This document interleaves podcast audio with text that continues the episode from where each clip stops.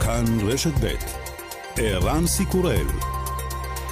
כאן רשת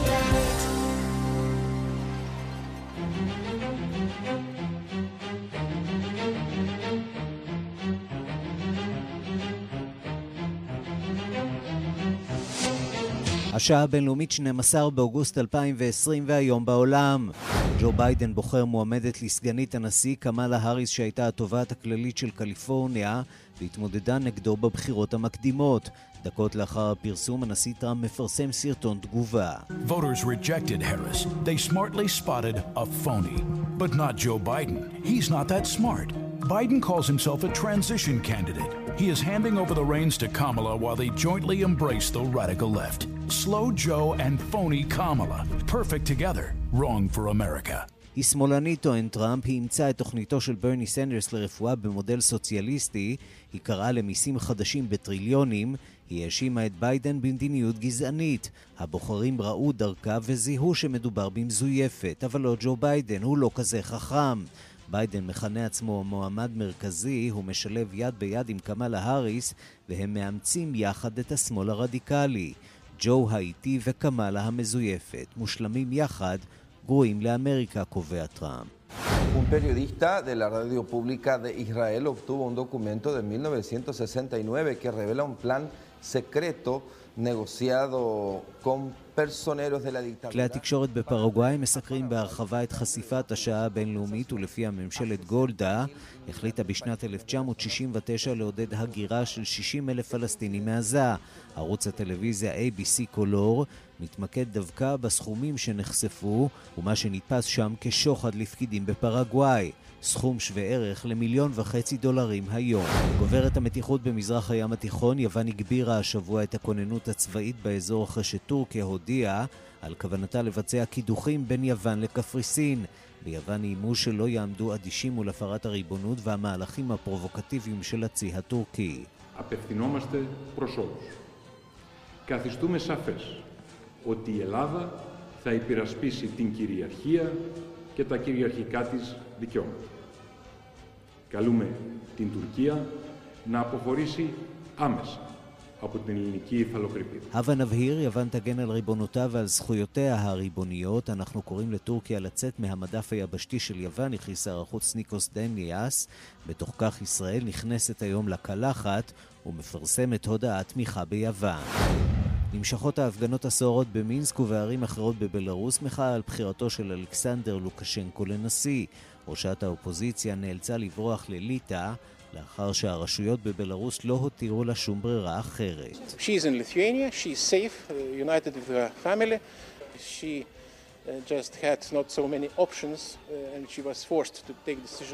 uh. And when she will be willing to, to, to say something. We, we believe she will say something about her plans, intentions. היא בליטא, היא בטוחה, התאחדה עם קרובי משפחתה, לא היו לה הרבה חלופות, והיא נאלצה לקבל החלטה לעזוב את המדינה.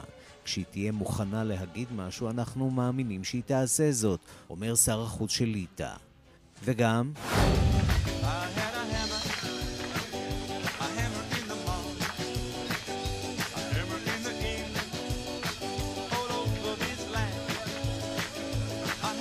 לעולמו מקורונה הזמר האמריקני טריני לופז והוא בן 83. לופז שילב בין שירי עם, רוקנרול ומוסיקה לטינית ונחשב מנטור של כמה מגדולי הרוקנרול.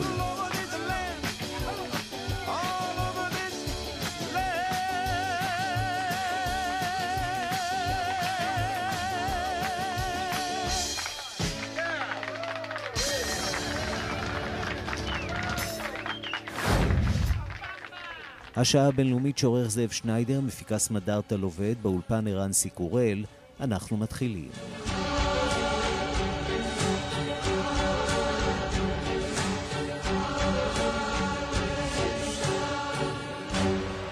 שלום רב לכם ושלום לטכנאי שלנו אריאל מור. זה אמנם לקח שבועות ארוכים, אבל אה, אתמול נפלה סוף סוף ההחלטה. קמאלה האריס תהיה סגניתו של ג'ו ביידן במרוץ לנשיאות. אנחנו אומרים שלום לכתבנו בוושינגטון, נתן גוטמן.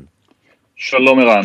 אז אה, היסטוריה גדולה בקטנה, מועמדת אה, שחורה ראשונה לסגנות הנשיא, אבל גם בחירה מאוד מאוד פרקטית מבחינתו של ביידן.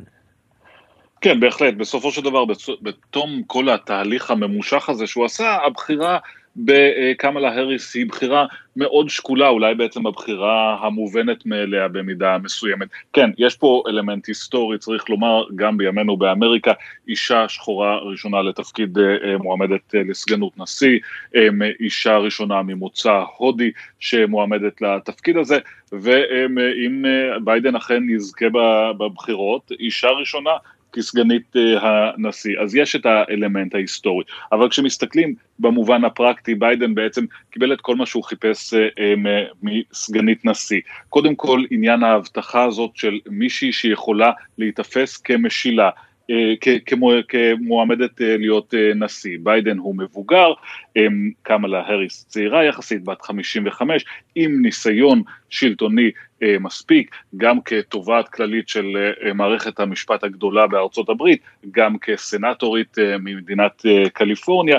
אם חלילה יקרה משהו לביידן, אם הוא לא יהיה כשיר לעמוד בכל ארבע השנים האלה, הוא אומר לאמריקנים, תראו, יש מי שתוכל להיכנס לנעליים. מעבר לכך, מדובר בפוליטיקאית מאוד מיומנת, אנחנו ראינו את ההופעות שלה בוועדות הסנאט, את הדרך שבה היא צולבת את המומחים ואת הפוליטיקאים שמגיעים לוועידות, את הביצועים שלה.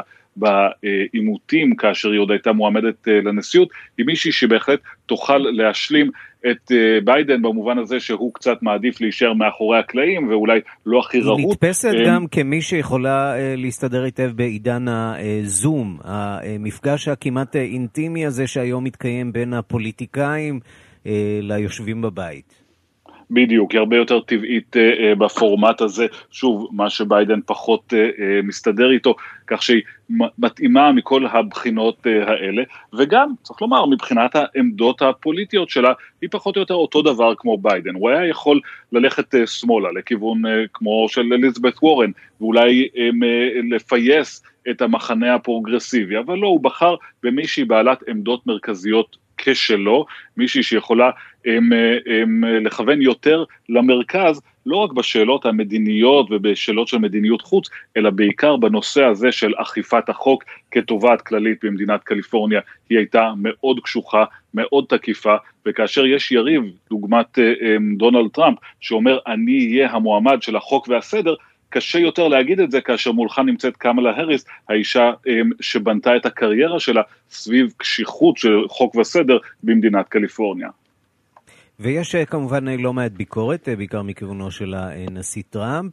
הזכרת שמדובר במועמדת שנתפסת אולי כמרכזית, אבל המשימה המרכזית בעצם של טראמפ היא לנסות להוכיח שמדובר במועמדת קיצונית שמאלנית. בדיוק, לא, לא רק היא, גם ביידן עצמו, ולכן הם בצד הרפובליקני מנסים למסגר אותם כמי שהם שבויים של האגף השמאלי, האגף הפרוגרסיבי במפלגה הדמוקרטית, זה יהיה יותר קשה לעשות עם uh, קמאלה האריס, ויש לטראמפ עוד, עוד תחמושת נגדה, בין היתר העובדה שהיא הייתה מבקרת כל כך חריפה של ביידן במהלך המרוץ לנשיאות בשלבים הראשונים, כאשר היא עוד הייתה במרוץ הזה, העובדה ש... התקיפות הזאת שלה בשימועים בסנאט, שאהובה על הדמוקרטים, עלולה להיתפס אה, על ידי הרפובליקנים כמשהו שמרתיע מדי, כמשהו שנהג חוסר כבוד באנשים, כמובן שיש פה גם את האלמנט המיזוגני של נשים חזקות שמקשה עליה עוד יותר. הנה נשמע אולי דברים שאמר עליה הנשיא טראמפ אתמול. She was one of the people that was projected to have a chance at winning, and all she did is people got to know her. She went down. She finished at 2%, probably less than that, and she fled. Remember how quickly she said horrible things about Biden? The one thing I, I felt he couldn't do, I mean, she took what somebody said about her, some horrible things about what was said about Joe, and she said she agreed with the woman that said them. That was a terrible statement, and I said, you know, just that statement alone. But she made terrible statements. She essentially called him a racist. Racist? כן, נשמע כמו קו כמעט קבוע נגד פוליטיקאיות נשים. נסטי וומן, במידה מסוימת ניסיון להיכנס לאותם דפוסים של קמפיין נגד הילרי קלינטון. בדיוק, וזה משהו שפעל בהחלט ב-2016 וזה מנגן למרבה הצער על איזשהו הם, אקורד בציבוריות האמריקנית שכן אולי מסכים, גם אם זה בתת מודע, לגישה הזאת, ולכן אנחנו ודאי נשמע עוד בחודשים שעוד נותרו, על, נשמע על כמה שקמלה האריס היא אישה נבזית. נתן גוטמן, כתבנו בוושינגטון, תודה. תודה רבה. שלום לפרופסור אבי בן צבי. שלום וברכה גם לך, ערן. ראש התוכנית לדיפלומטיה מאוניברסיטת חיפה, מומחה לארצות הברית. בוא נתחיל קודם עם uh, לדבר על התפקיד הזה, סגן הנשיא. מדוע uh, מדובר בתפקיד כל כך משמעותי? לרוב אנחנו יודעים שסגן הנשיא נשאר בצללים, או שזוכה בתפקידים uh, יחסית שוליים בממשל האמריקני. שאלה נפלאה, זה היה נכון עד שנות ה-70. אפשר לומר עד שנות ה-70, עד שנות ה-60. סגן הנשיא זה היה תפקיד פולחני, ריטואלי, הוא היה בעיקר מייצג את הממשל בהלוויות של מכובדים, או מקבל תפקידים זניחים אה, יחסית, כמו למעשה אחראי על הטיפול בשמורות של האינדיאנים, שלא נחשב במוקד העשייה, למשל בתחום האסטרטגי. אני חושב שהתמונה השתנתה באופן דרמטי, מי שכאן באמת שינה באופן יסודי את פני הדברים היה הנשיא קרטר, שסגנו רב הניסיון הסנאטור וולטר מונדייל ממינסוטה, באמת יצק לתוך התפקיד אה, תכנים חדשים על יסוד הניסיון שלו רב השנים בקונגרס, ולמעשה אל גור, סגן הנשיא החזק והמקצועי, היה הדוגמה השנייה כמובן של קלינטון, של אה, סגן נשיא מאוד פעיל, הלוא בהיסטוריה הרחוקה יותר, אה, סגן הנשיא ג'ונסון בכלל לא היה מעורב במשבר הטילים הקובאני, הוא בעצם נכפה לנשיא קנדי, הוא היה בשוליים, לא היה בכלל בצוות שהוביל את תהליך קבלת החלטות, זה השתנה לחלוטין, והיום קל וחומר. למרות שהיו גם בעשורים האחרונים כמה סגנים קוריוזיים, אבל ברגע שביידן מתקרב לשנתו ה-80, בינואר אם הוא יושבע הוא יהיה בן 80, והוא גם באמת נקרא בלעג על ידי טראמפ כסליפי ג'ו, אז הוא צריך לצידו באמת עזר כנגדו, אה, צעירה נמרצת מאוד, רהוטה מאוד, לוחמנית מאוד, שבאמת אולי כאן תפרוץ גם את תקרת הזכוכית בבוא העת, וברקע יש עוד מועמדת ממוצא הודי, ניקי היילי, רפובליקנית. Mm-hmm. אז אני חושב היום ביידן במודע רוצה, מעוניין, אפילו כמה, שבעצם מישהו עוד יישא בנטל, ונדמה לי שזו החלטה, אה, נתן גוטמן דיבר באופן מינורי, החלטה טובה, אה, זו החלטה אופטימלית, לא ברור לי למה ביידן חיכה ארבעה חודשים עם קמלה האריס. הלוא בכל אלמנט היא משלימה אותו מבחינת הגיל. מבחינת יכול להיות, יכול להיות שהוא זיהה אה, שיש כאן אה, בכל זאת כמה נקודות אה, חולשה, ואני באמת רוצה לשאול אותך לגבי בהנחה שבאמת יושבת איזושהי ועדה כזאת, אה, ויושבת אה, ועדה כזאת שסמוכה על שולחנו של ג'ו ביידן, מנתחת את כל הנתונים, מנתחת גם את הסטטיסטיקה, גם את הסיכויים, גם את נקודות החולשה. מהן נקודות החולשה של קמאלה האריס? איפה היא דווקא לא מסייעת ל... אה, ג'ו ביידן. אני מוצא רק נקודת חולשה אחת זניחה ביותר, והכל זה עניין של אגו. היא שאפתנית מאוד, היא נושאת פעמיה אל הבית הלבן, לא כרגע, ברור שלא תהיה חתרנית מאחורי גבו, היא תהיה נאמנה, אבל הנקודה היא שבאמת בשלב של הקדם פריימרי, בעימות המפורסם של הגלריה הדמוקרטית, היא הייתה אגרסיבית והייתה תוקפנית כלפי ביידן.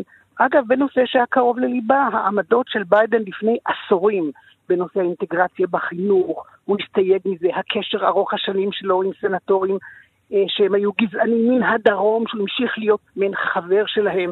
אבל בעצם מאז אה, הרבה מים כבר בעצם זרמו בהדסון, וביידן הוכיח את ה... אה, בעצם את האג'נדה שלו שהיא בעד אה, באמת קידום האפרו-אמריקאים בצורה דרמטית. ולמעשה האגרסיביות שלה, שאני חושב שזה דבר מאוד חיובי, הצורה שבה היא במרכאות תיגנה את ברט קבנו, המועמד ל- ל- לשופט עליון שם בשימוע הקשה, אני חושב שכך היה, היא נקמה את נקמתה של אותה פרופסורית שבעצם אה, הוטרדה מינית לפני כמה עשורים, ונדמה לי שזה גם משתלב עם מיטו. אבל הוא בחר, ביידן בחירה מאוד חכמה, הוא לא צריך היום את האנשים או הנשים של סנדרס, אליזבת וורן, האגף הפרוגרסיבי, mm-hmm. נקרא לזה הרדיקלי. מדוע? מכיוון שהעוינות של כל התנועה הדמוקרטית כלפי טראמפ היא כל כך עמוקה, שהם יבואו להצביע נגדו, הוא לא צריך to cater, הוא לא צריך למשוך אותם על ידי מועמדת כמו קרן באס או אליזבת וורן, שהיא באמת מייצגת את השמאל העמוק. היא, מה שקורה כאן, שהיא באמת מרכזית, פרגמטית. יחד עם זאת, היום, בנושא של באמת, אה, לא רק חוק וסדר, זה כבר היא הוכיחה את עצמה, אבל רגישות לחלשים, נגד אפליה, נגד... נדמה לי שהיא מתאימה ככפפה ליד באג'נדה הנוכחית של אמריקה אל מול מה שקרה עם ההריגה של פלויד, של, של, של, של אותו אה, באמת מפגין, ומול mm-hmm. הקורונה. היא, היא סנטורית מעולה, יזמית, עם הצעות חוק, מתמצאת, שולטת. אני לא רואה, אני חושב שגורלה יכול להיות שונה לגמרי מגורלה של אה, סרה פיילין שהייתה בגדר קוריוז וגרמה נזק למגזר. בואו נדבר על הפיל והשאלה היהודית, מטבע הדברים זה מעניין חשוב, אותנו. זה, איפה קמאלה האריס ביחס שלה אה, לישראל, היחסים שלה עם הקהילה היהודית באמריקה? אז קודם כל, אני, אני לא רוצה להתחיל בדברים שהם נישתיים והם באמת מאוד בנאלי. בעלה יהודי, דגלס אה, אמהוף, אבל אני חושב שבסך הכל היא הבחירה האופטימלית לגבי מפלגה שכבר מזמן אגפים שלמים שלה נדדו לעבר אה, עמדות אנטי-ישראליות, התנתקו מישראל, לעומתיות כלפי, עמדות לעומתיות כלפי ישראל. היא, אני חושב, באיזשהו מקום מבצר נאמן פרו-ישראלי יותר מביידן, הרבה mm-hmm. יותר מסוזן רייס שהייתה מועמדת מאוד רצינית, למשל. ולכן אנחנו שומעים הבוקר אה, אה, ב off record, אה, כמובן, תחושות הקלה כאן בירושלים. יותר מהקלה, BDS, היא לוחמת גדולה ב-BDS, היא הרבה יותר קרובה, בדקתי, ראיתי את הנאומים שלה. למעשה בלילה כבר, הנאומים שלה באיפא"ק הם נאומים כמעט כמו של ראש הממשלה, ובהשוואה היא כמעט לא הופיעה בג'יי סטריט. היא די מנותקת מהארגון, מ-J Street, או מאנשים באמת מהמילייה של סנדרס. כך במובן הזה דאגה של ישראל לביטחונה. היא הייתה זאת שבסנאט העלתה החלטה ב-2017, שבעצם ביקרה קשות את ההחלטה האחרונה של אובמה במועצת הביטחון. את זוכר, החלטה 2334, ששם הוא בעצם נמנע מווטו. אה, באותה אה, החלטה שדיברה על ההתנחלויות כלא לגיטימיות ולא לגיטימיות ולא חוקיות. היא יצאה חוצץ נגד זה. אז כאן אני חושב בסך הכל בהתנהלות שלה לאורך השנים, וחוץ מזה שהיא הייתה עוד בקליפורניה תובעת כללית, אחד הדברים המרכזיים שהיא עשתה זה חקיקה נגד פשעי שנאה, כשבמוקד פשעי שנאה נגד, נגד בתי כנסת. אה, טוב, אז פה, אז פה בישראל בהחלט אה, יכולים להיות אה, רגועים לפחות מההיבט הזה. פרופסור אבי בן צבי, מומחה לארצות הברית אה, אה, מהאוניברסיטת, מאוניברסיטת אה, חיפה, ראש התוכנית לדיפלומטיה, תודה רבה על הדברים. תודה רבה גם לך, ואתמול חגגנו את סוף המחזור לתוכנית לדיפלומטיה, טקס מאוד יפה למרות הקורונה, אז סגרנו עוד מעגל בחיים. תודה רבה לתלמידים. ברכות, ברכות לכם. תודה רבה, כל טוב. תודה. השעה הבינלאומית, אנחנו ממשיכים uh, לעקוב אחר uh, המתרחש ברחבי העולם בעניין uh, וירוס הקורונה, לאחר הודעתה של רוסיה אתמול על אישור החיסון הראשון בעולם כמענה לטיפול בנגיף. נשמעים קולות של בכירים רבים במערב הקוראים לנהוג משנה זהירות. הם מבקשים לבצע בדיקות של כל השלבים המוקדמים הנדרשים לניסוי למניעת סיכון של מיליוני בני אדם. הדיווח של כתבת חדשות החוץ, נטליה קנבסקי. אישור הבזק של החיסון נגד קוביד-19 בידי רשויות רוסיה אתמול גרר כצפוי ספקנות רבה במערב. נשיא רוסיה ולדימיר פוטין הודיע על אישור החיסון הראשון נגד קורונה בעולם. Насколько мне известно, сегодня утром зарегистрирована, впервые в мире зарегистрирована вакцина против новой коронавирусной инфекции. לפי מה שידוע לי, החיסון הראשון נגד נגיף קורונה אושר הבוקר. אני יודע שהוא הראה את יעילותו ויצר חסינות יציבה, ועליי לחזור ולומר כלומר, הוא עבר את כל הניסויים הנחוצים, הכריז פוטין והוסיף שאחת מבנותיו כבר חוסנה. Одна из моих дочерей сделала себе такую прививку. Я думаю, что в этом смысле она поучаствовала в эксперименте. После первого укола, после первой прививки, температура была у нее 38. אחת הבנות שלי חוסנה, במובן הזה היא השתתפה בניסוי.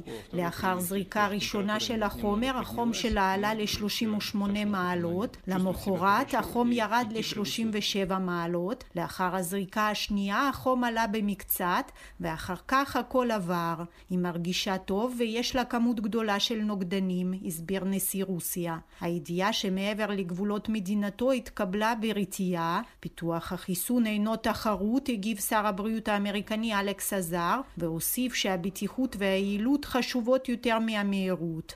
יועץ הבריאות הראשי של הבית הלבן, אנטוני פאוצ'י, אמר מצידו שיש לו ספקות גדולים באשר לחיסון הרוסי. אני מקווה שהרוסים באמת הוכיחו סופית שהחיסון הזה בטוח ויעיל, אמר פאוצ'י בריאיון לערוץ ABC. נזכיר שיעדה של התוכנית האמריקנית לפיתוח החיסון הוא לייצר 300 מיליון מנות ממנו לקראת ינואר 2021. נשיא ארצות הברית דונלד טראמפ אמר לעיתונאים הלילה שהממשל האמריקני חתם על ההסכם עם חברת התרופות מודרנה לרכישת 100 מיליון מנות חיסון נגד קורונה בסך מיליארד וחצי דולר.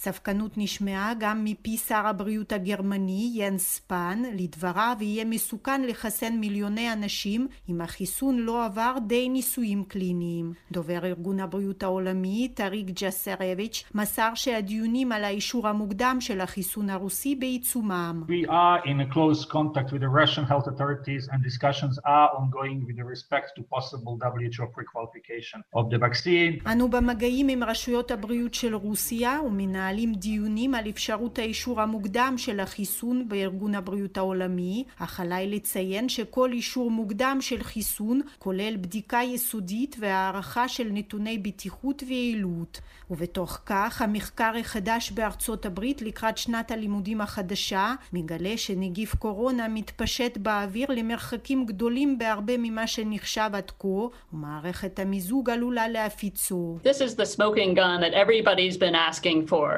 We're talking about virus that is present in very small droplets, tiny ones that we call aerosols, that can travel much farther through the air and remain in the air for minutes to hours at a time. זאת ההוכחה החותכת שכולם חיכו לה. מדובר בנגיף שנמצא בטיפות זעירות שאותן אנו מכנים האירוסול, ושמסוגלות לנוע למרחקים גדולים באוויר ולהישאר באוויר מדקות עד שעות. ברגע שאנו מודעים לעובדה שהנגיף מועבר דרך החלקיקים הזעירים האלה, אנו מסוגלים לנקוט צעדים להפחתת הסיכון הזה, הסבירה לינסי מר, שחקרה את סוגיית התפשטותו של הנגיף באוויר.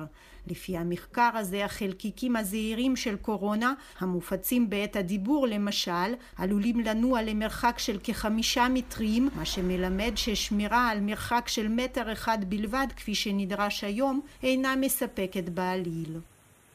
וממש בשעה זו מקיים ארגון הבריאות העולמי כינוס, כינוס וירטואלי שעוסק בשאלה כיצד ממלאים את מקומם של הרופאים והאחיות, צוותי הרפואה החסרים. ברחבי העולם חסרים 18 מיליון אנשי רפואה, כך על פי ארגון הבריאות העולמי, בדיון הזה שמתקיים שם ממש עכשיו. והרעיון המרכזי שעולה בתוך הכינוס הזה הוא כיצד לשלב בני נוער בתוך העבודה. בני נוער שיחסית חסינים יותר מאוכלוסיות אחרות שאולי עוסקות ברפואה, אבל כרגע נמצאות בסיכון מוגבר. זאת בהחלט שאלה, האם נכון לסכן צעירים, בני נוער, במאבק, במסגרת המאבק בקורונה. דיון מעניין שאנחנו כמובן ממשיכים לעקוב אחריו. מכאן לאירופה, הקורונה באירופה, בעיצומו של הקיץ, היא שאבה והיא מאלצת את הממשלות להחמיר את תקנות הזהירות ולאיים אפילו בחזרה לסגר. בין השאר כדי להכין את הציבור למכות הכלכליות שעומדות לנחות עליו, כדוגמת בריטניה שאיבדה 20% מהתוצר הגולמי שלה. הדיווח של כתבנו בפריז, גדעון קוץ. הקיץ הביא איתו באירופה את חידוש ההדבקה בנגיף הקורונה. הנדבקים עכשיו בדרך כלל צעירים. בצרפת למשל יש בשבוע האחרון עלייה של 35% במספר הנדבקים, אבל היא עדיין מתונה מאוד במקרים הקשים. על רקע המשך המשבר התברואתי והמשבר הכלכלי הצפוי בסתיו, בחרו ממשלות ממשלות אירופה להקדים רפואה למכה בנוסח של אמרנו לכם, וכוונה די ברורה להטיל את האחריות לבאות על הציבור. ראש ממשלת צרפת ז'אן קסטקס הודיע בחגיגיות כי המצב מחמיר והטיל על הציבור את האחריות האפשרית לחזרה לסגר. Je le dis aujourd'hui avec une forme de gravité, si nous ne réagissons pas collectivement, nous nous exposons à un risque élevé de reprise épidémique qui sera difficile à contrôler. Elle mettra à nouveau sous tension l'ensemble de la chaîne de santé. אני אומר היום בחומרה, אם לא נגיף כיאות, נהיה בסיכון גבוה לחידוש המגפה שעליו לא נוכל להשתלט. צרפת הפעילה השבוע את חובת עטיית המסכות גם במקומות הפתוחים בערים שבהם מצטופפים אנשים רבים. מושל מחוז בריסל, הניצבת גם היא בפני חזרה דרמטית של הידבקות, קבעה בעקבות השכנה הגדולה חובת עטיית מסכות במרחב הציבורי. ספרד נמצאת במצב קריטי לפי מומחים עם 4,900 מקרים חדשים ביום, יותר מצרפת, בריטניה, גרמניה ואיטליה גם יחד. בבריטניה מעדיפים להכין את הציבור דווקא למשבר הכלכלי לנוכח החשש למיתון, כאשר לפי נתונים שפורסמו היום הכלכלה הבריטית הצטמקה ב-20% במהלך הרבעון השני, הירידה הרבעונית החדה ביותר אי פעם בתוצר המקומי הגולמי הבריטי. שר האוצר רישי סונאק הזהיר מצידו. When we talking about this a few months ago, I said that hard times were coming, and today's figures show that hard times are here. Hundreds of thousands of people have already lost their job. And sadly many more will. לפני כמה חודשים אמרתי שיגיעו זמנים קשים, היום מצביעים הנתונים על כך שהזמנים הקשים הגיעו. מאות אלפי אנשים איבדו את מקומות העבודה שלהם, ולמרבה הצער עוד רבים יאבדו, אבל הוא הבטיח, למרות שהחלטות קשות לפנינו, לא נשאיר איש בלי תקווה והזדמנות. גם הציבור לא נמנע מאיתותי אזהרה משלו לממשל, כך למשל בלילה שעבר כובתה התאורה ב-300 אתרים בלונדון ביוזמת תעשיית הבידור. כאן גדעון קוץ, מפריז. שערורייה חדשה באיטליה, חברי פרלמנט במדינה המשתכרים עשרות אלפי אירו בחודש, שלשלו לכיסם גם את כספי הפיצויים שניתנו לעצמאים שנפגעו מהקורונה. הפרסום הזה עורר תגובות נזעמות בציבור האיטלקי, עד כמה משתלם להיות נבחר ציבור באיטליה. הנה דיווחו של כתבנו ברומא, יוסי בר. מי הם חברי הפרלמנט האיטלקי המשתכרים כ-12 אלף אירו בחודש, אך הכניסו לכיסם גם 600 אירו שהמדינה העניקה למעוטי יכולת ולעצמאים. זו השערורייה החדשה שפרצה בימים אלה באיטליה. העצמאים שהיו אמורים לקבל את מענק הממשלה בגלל מצוקה זועמים. חלקם עדיין לא קיבלו את המענק ואילו חמישה חברי פרלמנט וכ-20 אלף חברי מועצות שמשכורתם מכובדת כבר הכניסו לכיסם את הסכום שלא נזקקו לו. ראשי המפלגות דורשים לפרסם את שמותיהם שעדיין חסויים מפאת שמירה על חוק הפרטיות. הם מכנים אותם עלוקות, חסרי מצפון, שיודחו מיד מהפרלמנט כשזהותם תתגלה. Ma quelle persone si devono dimettere perché tanta gente ha avuto difficoltà nel periodo della pandemia. עליהם להתפטר מיד, יש לפרסם את שמותיהם כי הם חסרי כבוד עצמי. כך אומר לואיג'י דימאיו, מנהיג מפלגת חמשת הכוכבים ושר החוץ. הציבור שהתרגל לפרשות שחיתות, מתקשה להבין כיצד ייתכן שחברי פרלמנט הלובשים חליפות מהודרות ונוהגים במכוניות פאר, הכניסו לכיסם את המענק הקטן שהיה אמור לסייע למובטלים. השערורייה מרחיקה עוד יותר את הציבור מהמנהיגים היושבים בפרלמנט, ואין ספק כי רוב הציבור יתמוך במשאל העם שיתקיים בשנה הבאה כדי לקצץ את מספר חברי הפרלמנט והסנאט. כאן יוסי בר, רומא. השעה הבינלאומית, ישראל הודיעה הבוקר כי היא תומכת ביוון בהתנגדותה לניסיונות הטורקים לכרסם במרחב הים הטריטוריאלי היווני. זאת על רקע המתיחות הגוברת לאחרונה בין שתי המדינות. אנחנו אומרים שלום לדוקטור חי איתן כהן ינרוג'ק. שלום שלום. מומחה לטורקיה ממרכז משה דיין באוניברסיטת תל אביב, אז כדי שנדע במה אנחנו בדיוק תומכים, אנחנו מבקשים לשוחח איתך. בוא ניתן אולי קצת רקע לעימות הזה, שהוא עימות היסטורי, אבל עכשיו הוא מקבל מימד חדש על רקע גילויי הגז כאן באזורנו. נכון מאוד, זה יריבות היסטורית כפי שאתה אמרת, טורקיה ויוון יש להם מחלוקת היסטורית על מדף היבשת בים האגאי ובמזרח ים התיכון. יוון חתמה על אמנת החוק הימי הבינלאומי, לעומת זאת טורקיה לא חתמה, והאמנה הזאת קובעת חד משמעית שגם לאיים יש מדף היבשת, כלומר מול חופי טורקיה יש לנו הרבה איים יווניים. והאיים היוונים, ברגע שיש להם מדף יבשת של 12 מילים ימים, אז זה חונק את טורקיה אוטומטית, וטורקים רק יכולים במרכאות לדוג במזרח ים התיכון ובים האגאי. בוא נלך עוד צעד אחורה, איך הפכו כל האיים האלה שנמצאים הרבה הרבה יותר קרובים לטורקיה היבשתית מאשר ליוון היבשתית, דווקא לאיים יוונים ולא לאיים טורקיים, כפי שאולי טורקיה הייתה רוצה. זה היה מ-1912 במלחמת טריפולי. העות'מאנים, טורקים העות'מאנים הובסו בלוב, וכתוצאה מהסכם הפסקת אש עם איטליה ואימפריה עות'מאנית, אימפריה עות'מאנית לא רק איבדה את השליטה שלה בלוב, אלא גם איבדה את השליטה, השליטה שלה באיים היוונים על הים האגאי של היום. והנה אנחנו יותר, חוזרים, מתחברים ללוב. מאוחר יותר האיטלקים מסרו את הזכויות שלהם על הריבונות ליוון במקום טורקיה. והנה אנחנו חוזרים ללוב, כי, כי הגיאוגרפיה הרי לא השתנתה, ולוב כן, גם קשורה פה לתוך הסיפור הזה. בוודאי, בוודאי. ב-2019, נובמבר, טורקיה בלוב, ליתר דיוק ממשלת טריפולי, ליתר דיוק ממשלת טריפולי, חתמו על הסכם אה, אה, גבול ימי, אה, וכתוצאה מההסכם הבילטרלי הזה, טורקיה ולוב אה, גנבו אה, במרכאות, גזלו, אפשר להגיד, אה, טריטוריה ימית אה, מהמים הטריטוריאליים אה, באזור הכלכלי בלעדי של יוון. וכך הם יכלו בסופו של דבר לשבור את הרצף הטריטוריאלי בין רפובליקת קפריסין ליוון. אה, ויש פה אה, כמובן מלחמת גרסאות. אה, כמובן יוון לא מקבלת את הגרסה הטורקית, את המפה הטורקית. וכמובן רק לאחרונה יוון ומצרים הם גם חתמו על הסכם חדש על גבולות הימיות, שבעצם מוחק את ההבנה בין לוב לטורקיה. בסופו של דבר יש לנו פה מלחמה של שני הסכמים, הסכם אחד של לוב וטורקיה, והסכם השני עם יוון ומצרים. אה, ולכן אה, טורקיה עכשיו גם אה, מעוניינת לקבוע עובדות על השטח.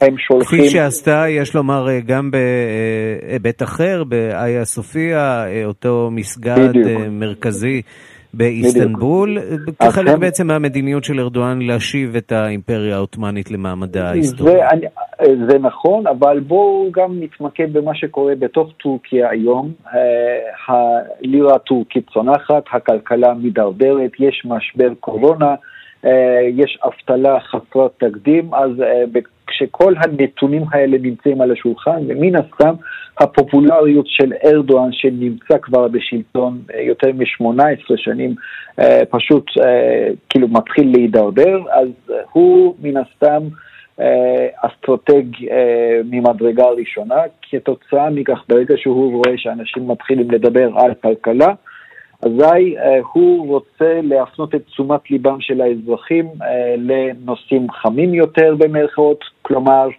יש לנו פה יריב היסטורי יוון, יש לנו פה uh, מלחמה בין סהר אה, לצלב, אז ברגע שיש לנו פה איזשהו חיכוך מסביב לאיה סופיה, מסביב למזרח ים התיכון, שהם אוהבים לכנות את זה בטורקיה בשם מולדת הכחולה, mm-hmm. אז כתוצאה מכך העם הטורקי uh, מתלהב. למשל, הבוקר, כשאני כהרגלי, כמו כל בוקר, אני פותח את העיתונות הטורקית, אה, רואה את, ה, אה, רואה את העמודים הראשונים של כל עיתון ועיתון, כולל אה, אלה שתומכים בממשל וגם אלה שמתנגדים לממשל. עכשיו, ברגע שיש לנו איזשהו איום חיצוני, כתוצאה מכך אנחנו רואים רק אה, עמדה יחידה, עמדה אחידה, mm-hmm. אז אפילו שהאופוזיציון, אה, העיתונים האופוזיציוניים, ברגע שה... שיש לנו איזשהו חיכוך חיצוני מול יוון, הם לא, טוב, הם לא uh, מתחילים למתוח ביקורת לארדואן, אלא הם uh, ממש עומדים לצד הממשלה והם עושים בסופו של דבר תעמולה של המדיניות החוץ של ארדואן. תרשה לי לנחש שלא יקבלו באהדה רבה מדי את ההודעה של ישראל על תמיכתה ביוון. עד כמה זה... ההפך. עד כמה אנחנו כישראל צריכים את זה כרגע, את העימות הזה? זה רק מחזק את ארדואן אה, ברגע שלצד הצלבנים במרכאות, אם אתה גם תוסיף אה, את הזקני ציון במרכאות, אז זה כמה טוב. עד כמה ישראל צריכה, מזווית הראייה הישראלית אני חושב שזה צעד נכון. אני, אני חושב שלצערי הרב, אני לא רואה שלהתקרב לטורקיה זה כן תורם לביטחון מדינת ישראל, אלא עכשיו... והנה עוד דרך לגבות סוג של מחיר, גם אם קטן, מטורקיה על המדיניות שלה כלפי ישראל. דוקטור חייטן כהן ינרג'ק, מומחה לטורקיה ממרכז משה דיין באוניברסיטת תל אביב, תודה רבה על הדברים. תודה, תודה, כל טוב. ושלום לקשב התחום הערבי אלונה מיצי. שלום ערן. היום אנחנו עם שתי כותרות, כותרות עיתונים מכווית ומלבנון.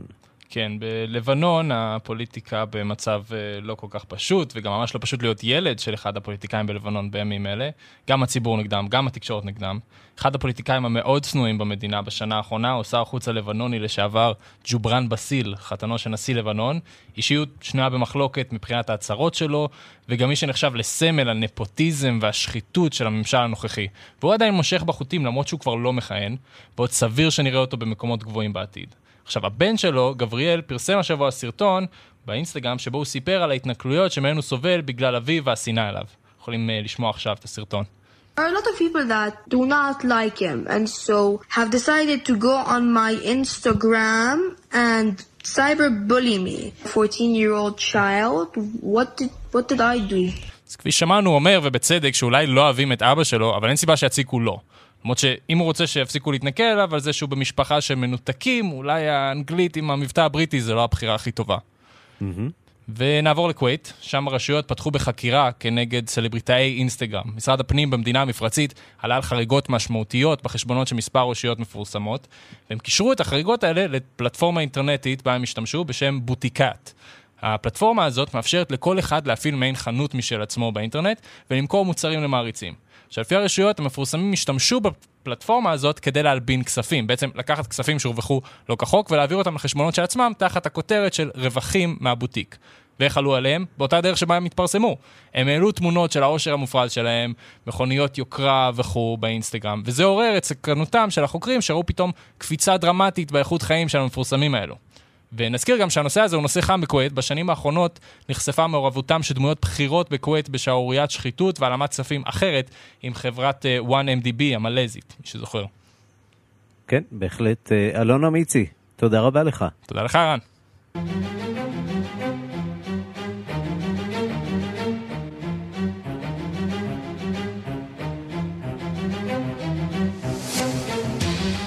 אז תערוכות בחו"ל זה עוד עניין רחוק ככל הנראה, אבל מי אמר שאי אפשר להביא יצירות לכאן לישראל, שנוכל גם אנחנו ליהנות מהן. שלום למירי קרימולובסקי, חוקרת התרבות בארץ ובעולם. שלום, שלום, ערן. אנחנו מדברים על יצירות של רנואר ודגה וציור נדיר במיוחד שצייר פיקאסו כשהיה בן 19 בלבד, שבאו לכאן לביקור בישראל. אז זה לא לביקור, זה לתמיד. אה, יפה. ואתה יודע, אנחנו יודעים באופן ברור שגם היום הרבה מאוד מהאספנים הגדולים בעולם הם יהודים כמובן. משפחת יגלום שמחזיקה בעצם חלק ניכר מהאוסף שלה במוזיאון תל אביב שלנו, נתקבל באוסף ציורים מהאוסף של הבן, של מייקל יגלום, מייקל והנרי הבנים הם אנשים שגם ידועים כמפיקים, שחקנים בהוליווד, והם שלחו לכאן לאוסף הקבע. 16 יצירות, הרבה מאוד רנוארים אגב, דגה, אבל הפנינה שבכתר היא יצירה של פיקאסו מגיל 19, מ-1900, מ-1900, לפני שהוא מגיע לפריז, מברצלונה, יצירה יפהפייה שאם תראה אותה, לא תאמין שזה בכלל פיקאסו. בואו נשמע את רז סמירה עוצר את האוסף על היצירה הזאת. פיקאסו הזה הוא מאוד מיוחד. פיקאסו צייר את זה כשהוא בסך הכל בן 19, כשהוא בעצם עוזב את עיר הולדתו ועובר לברצלונה כדי ללמוד אומנות בהשראת ועידודו של אביו. הסגנון הוא סגנון ריאליסטי עדיין, סגנון כהה יחסית לציורים מאוחרים שלו, סגנון שהוא מאוד מוקפד, אבל רואים בהחלט את פיקאסו, את הקווי הדמיון של פיקאסו המאוחר יותר, שזה הדגש על קומפוזיציה, על קו, על משטחים ישרים, והנושא הוא נושא קלאסי של בית קפה. בערב בערב, בלילה, אנחנו רואים זוג וברקע עוד זוגות נוספים, שלמעשה האישה לובשת חצאית אדומה, ואחר כך הצבע האדום הופך להיות צבע מאוד מרכזי אצל פיקאסו, כשהוא מתאר תשוקה, את כל הנשים שהוא אהב, הן תמיד יהיו אדומות.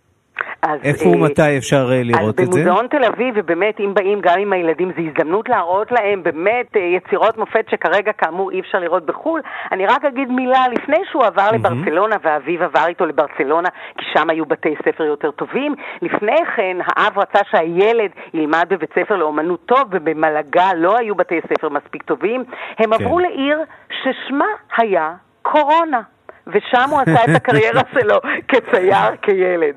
אז זאת אנקדוטה קצרה, לכו לראות במוזיאון תל אביב את האוסף הנפלא הזה. רק בריאות, מירי קרמולובסקי, תודה. תודה לך, ערן. ושלום לאיש המוסיקה העולמית שלנו, משה מורד. שלום, שלום ערן. עורך ומגיש התוכנית אה, רדיו מונדו, בכל יום אה, בשש בערב בכאן אה, תרבות, ואנחנו לרגל הכרזתו של המועמד לנשיאות ג'ו ביידן על המועמדת לסגנית, נייחד את הפינה לנשים באשר הן. זהו, לנשים, נשים ממוצא אפריקאי, נשים ממוצא אסיאתי, כמו במקרה הזה, ונשים ילידות, זה נושא שכבר שנים אה, עולה ככה אה, מדרגה בדיון הציבורי בו, גם בדיון האקדמאי וגם בתרבות. אני רוצה אה, להשמיע חלק מפרויקט נפלא שיצא לפני שנה, אחד האלבומים הטובים ביותר שיצאו ממש לפני הקורונה, אה, שנקרא Songs of a Native Daughters. ארבעה מוזיקאיות אה, אמריקאיות ממוצא אפריקאי וממוצא ילידי, מה שנקרא בטעות אינדיאניות, או ממוצא אינדיאני. אה, פרויקט של הסמיתסוניאן פולקווי, זה הארגון שככה אה, משמר את המוזיקה, המוזיקת הפולק והמוזיקה המקורית, העממית האמריקאית. אז בואו נשמע מתוך הפרויקט הזה את סיפורה של קשיבה, שהייתה שפחה בת למשפחת העבדים שהגיעה מגרנדה, מאי קריבי, אה, כמו, עוד, אה, כמו האיטי למשל, שממנו מוצאה של קמאלה האריס, אחד, אחד המוצאים שלה, שזה מה שמעניין, וכן, היא הגיעה מגרנדה ו... פיתחה משפחה שלמה, גידלה משפחה שלמה למרות הקשיים, וכמובן, אה, בואו לא נשכח שכשאנחנו מדברים על נשים אה, ממוצא אפריקאי וממוצאים אחרים, או שנקרא בייפוק, גם ה-people of color, אז אנחנו מדברים גם על אה, סבל מגזענות, גם סקסיסטיות, אפליה וכל הדברים הנפלאים האלה במרכאות יחד. אז הנה קשיבה קשיבה, סיפורה של קשיבה.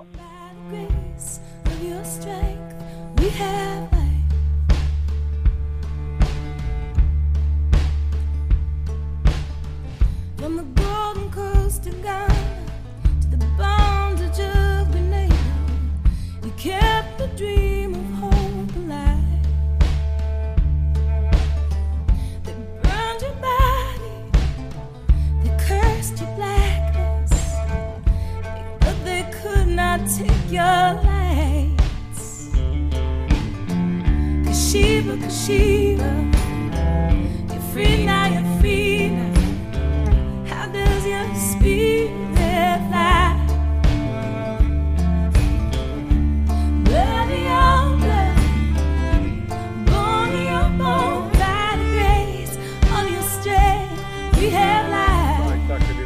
הסבתא רבא שלה. כדאי להקשיב למילים בהזדמנות אה, קורעות לב. כן, נשמע.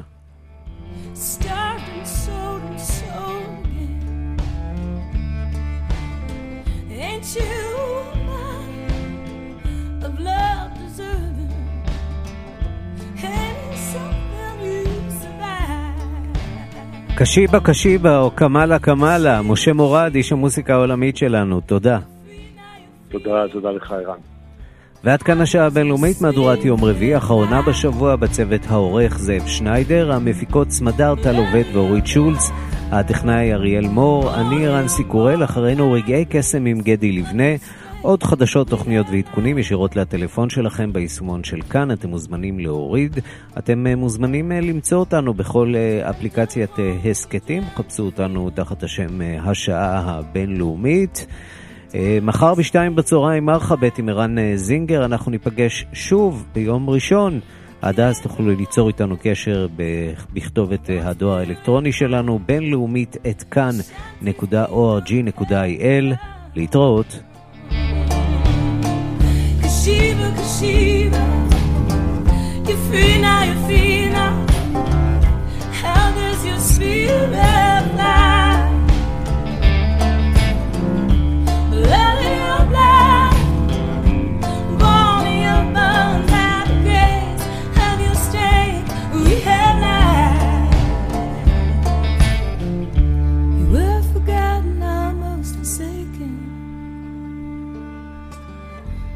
children founded generations.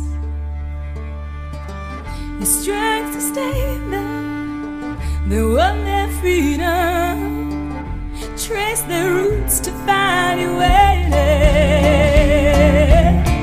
Kashiva, Kashiva, you're free now, you're free now. How far your spirit?